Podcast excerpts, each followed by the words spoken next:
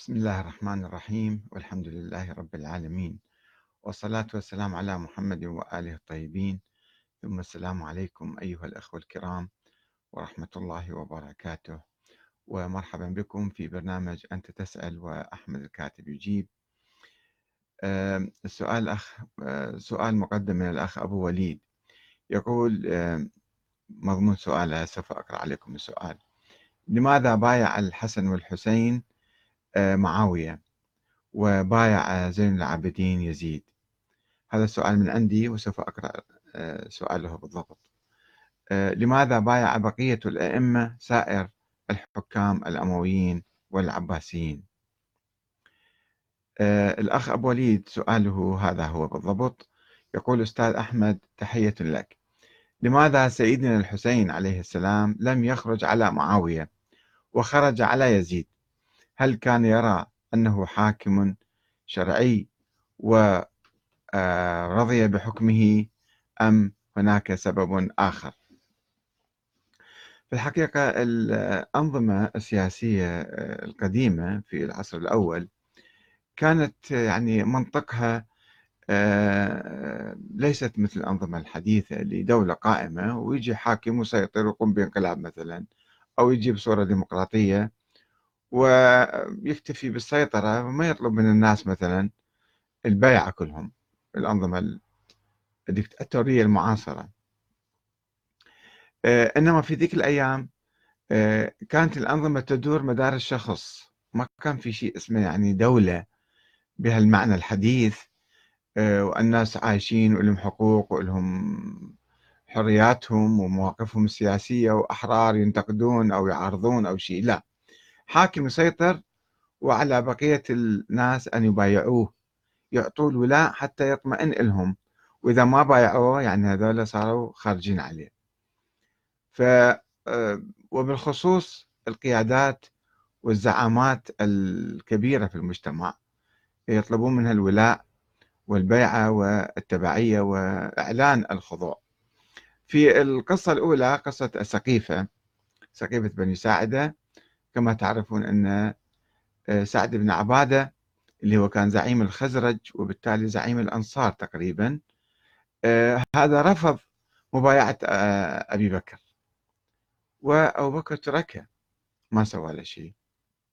ولكنه قتل في عهد عمر. بعد ذلك هو كان في الشام وأصيب بسهم في الليل وقيل أن الجن قد قتلته. الله أعلم يعني.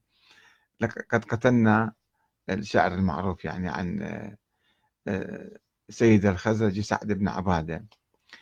آه، فهذا سعد لأنه كان زعيم عشيرة ما وكان قوي يعني ما كان يتمكن آه، أبو بكر أن يأخذ البيعة بالقوة من عنده. الإمام علي يعني رفض البيعة أو امتنع عن البيعة لمدة ستة أشهر ثم عاد وبايع. أيضا لم يجبروه وهذا الكلام اللي عن إجبار الإمام علي هذا مو صحيح.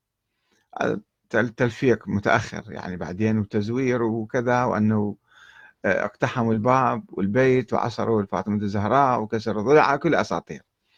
المهم آه، الإمام علي نفسه عندما أصبح آه، خليفة بايعه من بايعه وهناك أشخاص رفضوا بيعة الإمام علي لم يتكلم معهم شيء. لم يجبرهم. منهم عبد الله بن عمر. لم يبايع. فالإمام سكت عنه. ما ما اعتبره يعني أنه هذا سوف يخرج عليه أو شكل خطر عليه أو كذا. حتى طلحة والزبير الإمام عرض عليهم بيع نفسهم. تعال أنا بايعكم. هم رفضوا في البداية. وعندما خرجوا عليه يعني نكثوا بيعتهم وخرجوا عليه. نجي إلى الإمام الحسن والحسين. آه، الإمام الحسن والحسين بعد آه، استشهاد الإمام علي بن أبي طالب آه، الإمام رفض أن يعين ابنه الحسن وليا للعهد أو خليفة من بعده.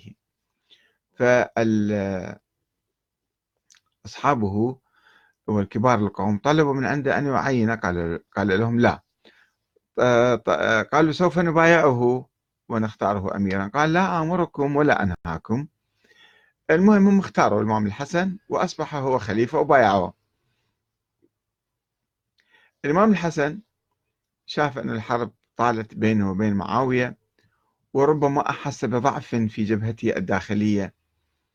أنه بعض جنوده صاروا أو ضباطه قادة الجيش بدأ معاوية يشتريهم بالمال وينحازون إلى صف معاوية. أدرك ربما آه، يعني قرب انهيار جيشه ولو كان عنده جيش سبعين ألف واحد. وكثير من قادة هذا الجيش آه، رفضوا يعني التنازل تنازل الإمام الحسن وأصروا معه. ف عندما أحس المهم آه، شعر بأنه يتفاوض أنه يتنازل لمعاوية عن الخلافة. على أن تعود إليه بعد وفاة معاوية. وأن تعود شورى بين المسلمين. إذا كان الإمام الحسن متوفي تعود شورى بين المسلمين. ولا يوجد نص أنه تعود الإمام الحسين كما علق بعض الأخوة. لم أجد ذلك في أي مصدر يعني. تعود لأنه ما كانت وراثية حتى تعود للحسين. المسألة تعود شورى. الناس انتخبوا الإمام الحسن وبعد معاوية الآن هو يتنازل تعود الخلافة إلى شورى للمسلمين. على هذا الشرط تنازل الإمام الحسن وطبعا كبار قادة جيشه لم يوافقوا ويقال آه، أنه حجر بن عدي آه، هو الذي ضربه يعني آه، عندما عاد عاد من من التنازل من عقد الصلح مع معاوية وقال له يا السلام عليك يا مذل المؤمنين. ربما ناس آخرون أيضا قالوا ذلك وليس حجر فقط. و قيس بن سعد بن عبادة اللي كان أيضا من قادة جيش الإمام علي هذا رفض البيعة. الإمام أجبر جميع القادة